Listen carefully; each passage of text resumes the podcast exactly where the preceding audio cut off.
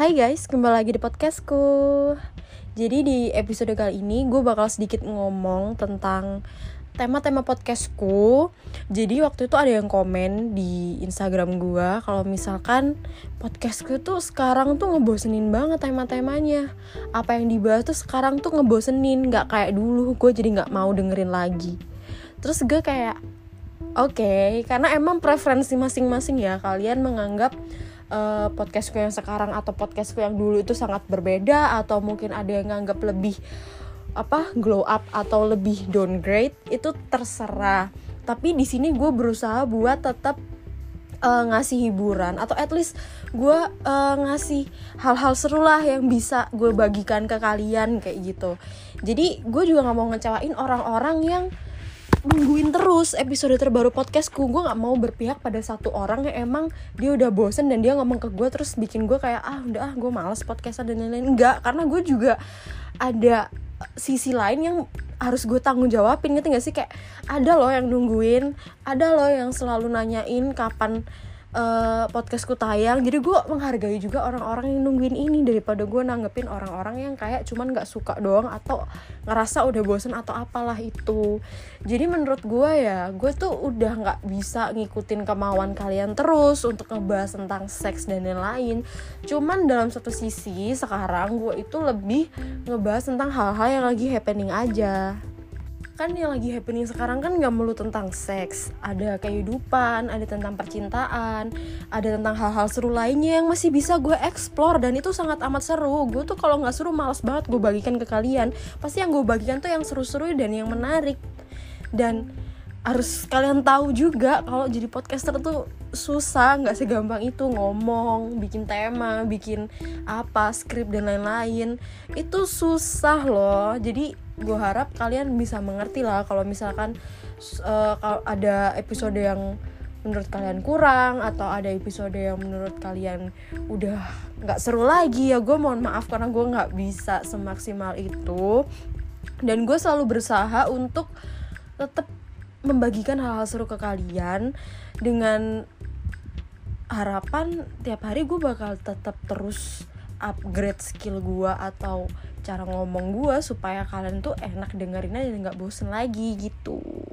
Jadi buat kalian yang masih dengerin podcast sampai saat ini terima kasih banyak. Dan jangan lupa support gue terus supaya gue masih bisa semangat untuk membagikan hal-hal seru ke kalian dan mungkin ada hal inspiratif atau hal-hal yang bisa dijadikan pelajaran dari apa yang gue sampaikan ke kalian gitu. Oke okay, back to topic. Di episode kali ini gue mau ngebahas tentang seks. Ini adalah episode yang paling kalian tunggu-tunggu kan? Ya emang gue nggak bisa ngikutin pasar sekarang. Cuman karena menurut gue ini juga lagi happening jadi sekalian gue bahas deh. Jadi gue nggak melulu bahas tentang seks. Gue bahas hanya dikit-dikit aja yang menurut gue itu menarik untuk disampaikan dan sedikit meng mengedukasi gitu. Jadi nggak melulu tentang sex experience dan lain-lain. Jadi gue uh, baru saja melihat satu konten TikTok yang bertuliskan. Jadi dia kayak gimana sih? Kan ada konten TikTok yang cuma tulisan doang gitu. Jadi ini tuh bentuknya kayak gitu. Dan tulisannya itu adalah tiba-tiba keinget ekspresinya ngeluarin berkali-kali sampai gemeteran. Dan gue ini adalah alasan kenapa gue sangat amat gak mau install TikTok. Karena gue ngerasa konten-konten yang kayak gini itu bikin gue ke trigger ah fuck so really really disgusting. Gitu kayak gue nggak pengen ngerasa disgusting gitu loh ketika ngelihat konten-konten sebrengsek ini. Ya menurut kalian ini emang kayak yaudah sih apa sih orang cuman konten orang cuman kata-kata. Tapi lihat kata-katanya. Tiba-tiba keinget ekspresinya yang ngeluarin berkali-kali sampai gemeteran fuck apa sih? Ngerti gak sih?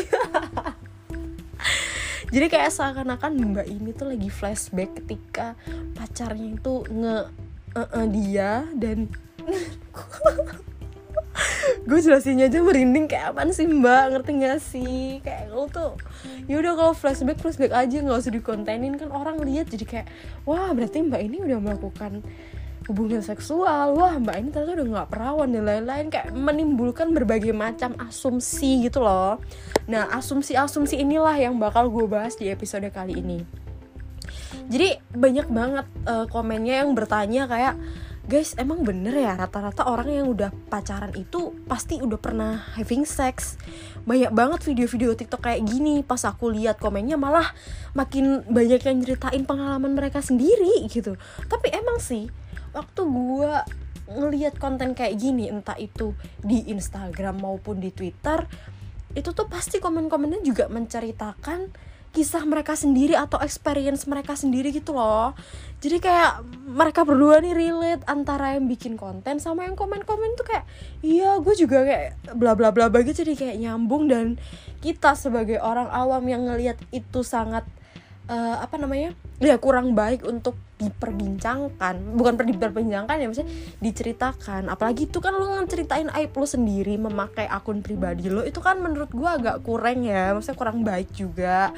Itu tuh jadi kayak apa sih? Ngerti gak sih? Kayak jijik banget kenapa lo harus ceritain itu gitu apalagi ke sosial media kalau misalnya lo ceritain ke teman-teman lo atau ke sahabat-sahabat lo it's okay lah orang yang lo kenal. Kalau misalkan yang baca ini itu nggak cuma satu orang apa yang lu ketik di komen tuh yang baca tuh banyak banget. Dan itu bakal dilihat terus sama orang. Apa lu nggak malu? Gitu loh. Buat yang bikin konten sama yang komen ya. Karena sama aja itu tuh bakal dilihat sama orang terus menerus ada yang dilihat sama anak kecil orang dewasa dan lain-lain. Apa lo nggak malu gitu kayak ngumbar aib sendiri? Like for what gitu? Ya nggak tahu ya kalau ada orang yang haus akan attention gitu. Banyak kan attention seeker zaman sekarang tuh. Terus ada juga yang uh, bilang nggak semua orang yang pacaran tuh pasti HS tapi menurut gue ya nggak semua orang pacaran tuh pernah HS itu iya emang nggak semua. Tapi menurut gue kayak 80% tuh kayak udah pernah gitu loh. Ya gue emang nggak memukul rata tapi yang ada di sekitar lingkungan gue yang gue tangkap itu tuh pasti 80% orang sekitar gue yang udah punya pacar itu pasti udah pernah having sex sama pacarnya. Kenapa gue bisa tahu? Karena mereka dengan gamblang menceritakan sendiri experience mereka dan di situ gue baru sadar kalau ternyata gue tuh masih lebih baik ya daripada mereka. Sorry bukan bermaksud untuk sok suci atau apa. Ternyata gue udah terlampau masih polos lah daripada mereka mereka yang udah ber uh, apa namanya berpengalaman lebih gitu lah daripada gue terus ada yang ngomong seks itu sekarang udah bukan hal yang tabu gitu bisa aja mereka tuh terinfluence dari bokep bisa terinfluence dari orang sekitar bisa terinfluence dari uh, film atau buku. Dan kebanyakan anak sekarang kan udah mulai kayak ketika mereka udah pacaran mereka memutuskan untuk meninggalkan rumah dan memilih untuk tinggal bareng pasangan padahal masih pacaran. Dan gimana ya emang sih banyak yang gue lihat kayak orang yang baru pacaran itu udah langsung kayak udahlah kita tinggal bareng aja. Karena gue nggak bisa hidup tanpa lu. Gue kayak pengen lihat muka lu terus gitu. Ya namanya juga baru pacaran kan masih kayak hmm, berbunga-bunga lah gitu. Tapi kebanyakan nih ya gue masih pakai kacamata lingkungan gue sendiri ya itu tuh kebanyakan mereka yang tinggal bareng itu tuh nggak akan lama. Paling lama tuh 5-6 bulan doang.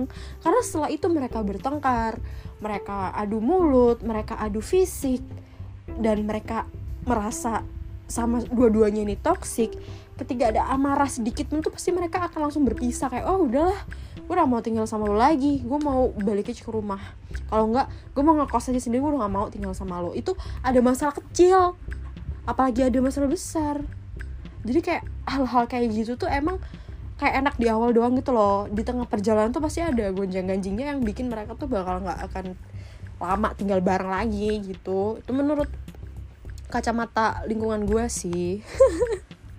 Dan itu emang bukan hal yang tabu gak sih? Maksudnya tinggal bareng tuh pasti di lingkungan kalian ada kan ya. Cuman pacaran tapi udah satu kosan satu apart dan lain-lain tuh pasti ada kan. Dan itu emang kayak udah bukan hal yang kaget gitu loh. Padahal sebenarnya agak susah juga ya kalau dipikir emang gimana ya caranya supaya menghindari gerbekan tetangga, gebekan Pak RT dan lain-lain? Itu gimana caranya? Tapi banyak juga yang kayak berhasil aja gitu. Malah notabene uh, lingkungannya tuh kayak ya mendukung mendukung aja gitu. Kayak apa yang dia lakukan tuh didukung padahal itu sebenarnya hal yang salah kenapa lingkungannya sangat mendukung hal yang salah juga gitu. Itu yang bikin gue heran kenapa orang-orang itu kebanyakan tuh berhasil gitu loh kayak tinggal bareng dan lain-lain. Dan lama lima bulan tuh kan lama gitu loh. Masa lingkungannya diem aja gitu? Itu gue yang gue bingung tuh itu gitu. Atau mungkin emang dia mencari uh, komplek atau kosan yang emang lingkungan juga begitu semua. Ya gue nggak tahu ya. Tapi kok bisa aja gitu dunia mendukung mereka untuk tinggal bareng gitu. Dan yang gue anehin nih ya ketika konten tuh diupload dan komen-komennya tuh banyak banget itu tuh gue kayak bingung aja gitu.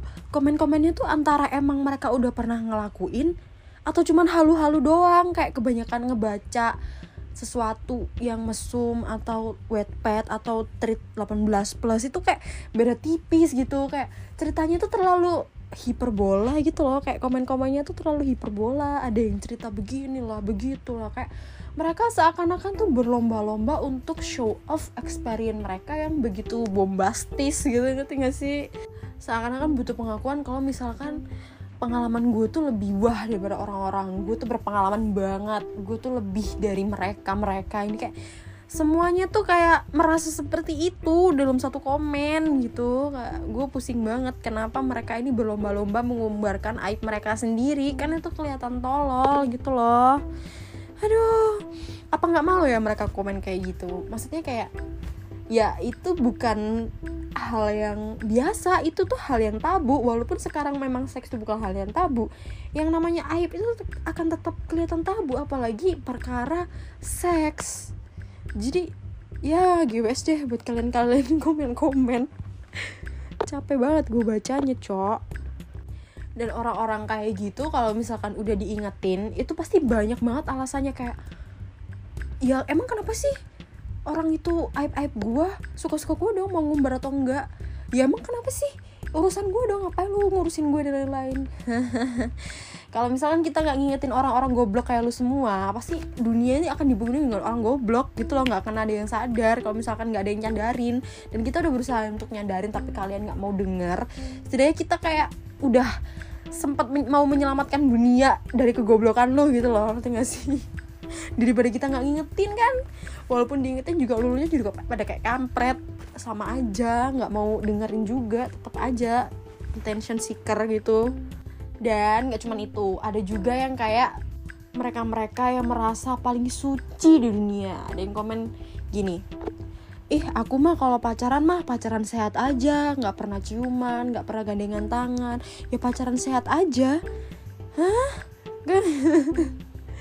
oh gini ya pacaran satu yang kayak gimana sih? Kayak diem dieman gitu. Terus kayak panggil panggil sayang cuman nggak ngapa-ngapain gitu. Kayak yaudah duduk-duduk kayak gitu. Pegangan tangan enggak atau apa-apa enggak terus makan sehat terus workout bareng gitu kak. Pacaran sehat. Gue bingung namanya pacaran satu kayak gimana. Ya ini termasuk kayak apaan sih? Lu kayak berasa apa aja udah merasa paling suci aja anjir. Banyak juga ya komen-komen yang kayak gini nih. Kayak merasa orang-orang yang ada dalam uh, platform itu tuh najis semua cuman dia doang yang enggak gitu. Dan merasa paling ya gue mah kalau pacaran nggak mungkin HS dan lain-lain gitu. Padahal ya we never know.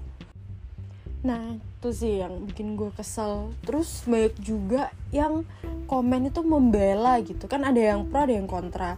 Dan itu tuh ada yang kayak membela membela seakan-akan menormalisasikan hal-hal tersebut. Ini yang menurut gue salah ya. Karena di mana-mana seks di luar nikah itu menurut gue kurang sehat ya. Jadi lebih baik kita seks after married aja yang sehat-sehat aja. Bahkan seks after married itu harus safety juga.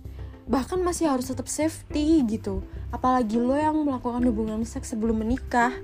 Lo harus extra safety dong itu pun kalau emang safety karena kebanyakan anak sekarang kan masih kayak mikirin apa sih ngapain sih pakai kondom? Ah nggak perlu nggak penting nanti nggak kerasa dan lain-lain. Kayak otak-otak tolol kayak gini tuh loh yang bikin ribet ngerti gak sih? Maksudnya yang merugikan lingkungan merugikan negara karena populasi semakin meningkat anak-anak di bawah umur juga uh, pernikahan anak di bawah umur tuh juga meningkat dan lain-lain. Ya kayak anak-anak kayak gini nih penyebabnya capek tahu gak sih tahunya tuh nah kebanyakan fenomena-fenomena kayak gini itu bikin orang yang benar-benar polos dan belum pernah melakukan hubungan seksual itu jadi uh, overthinking dan trust issue gitu.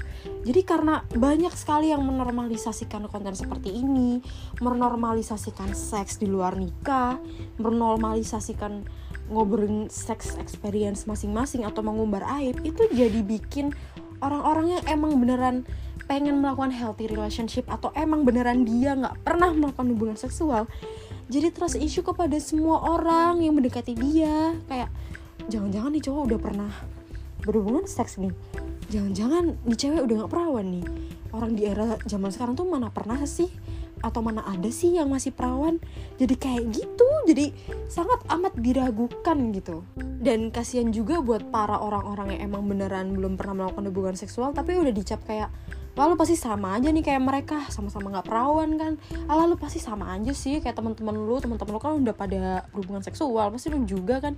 Jadi kayak disamaratakan gitu.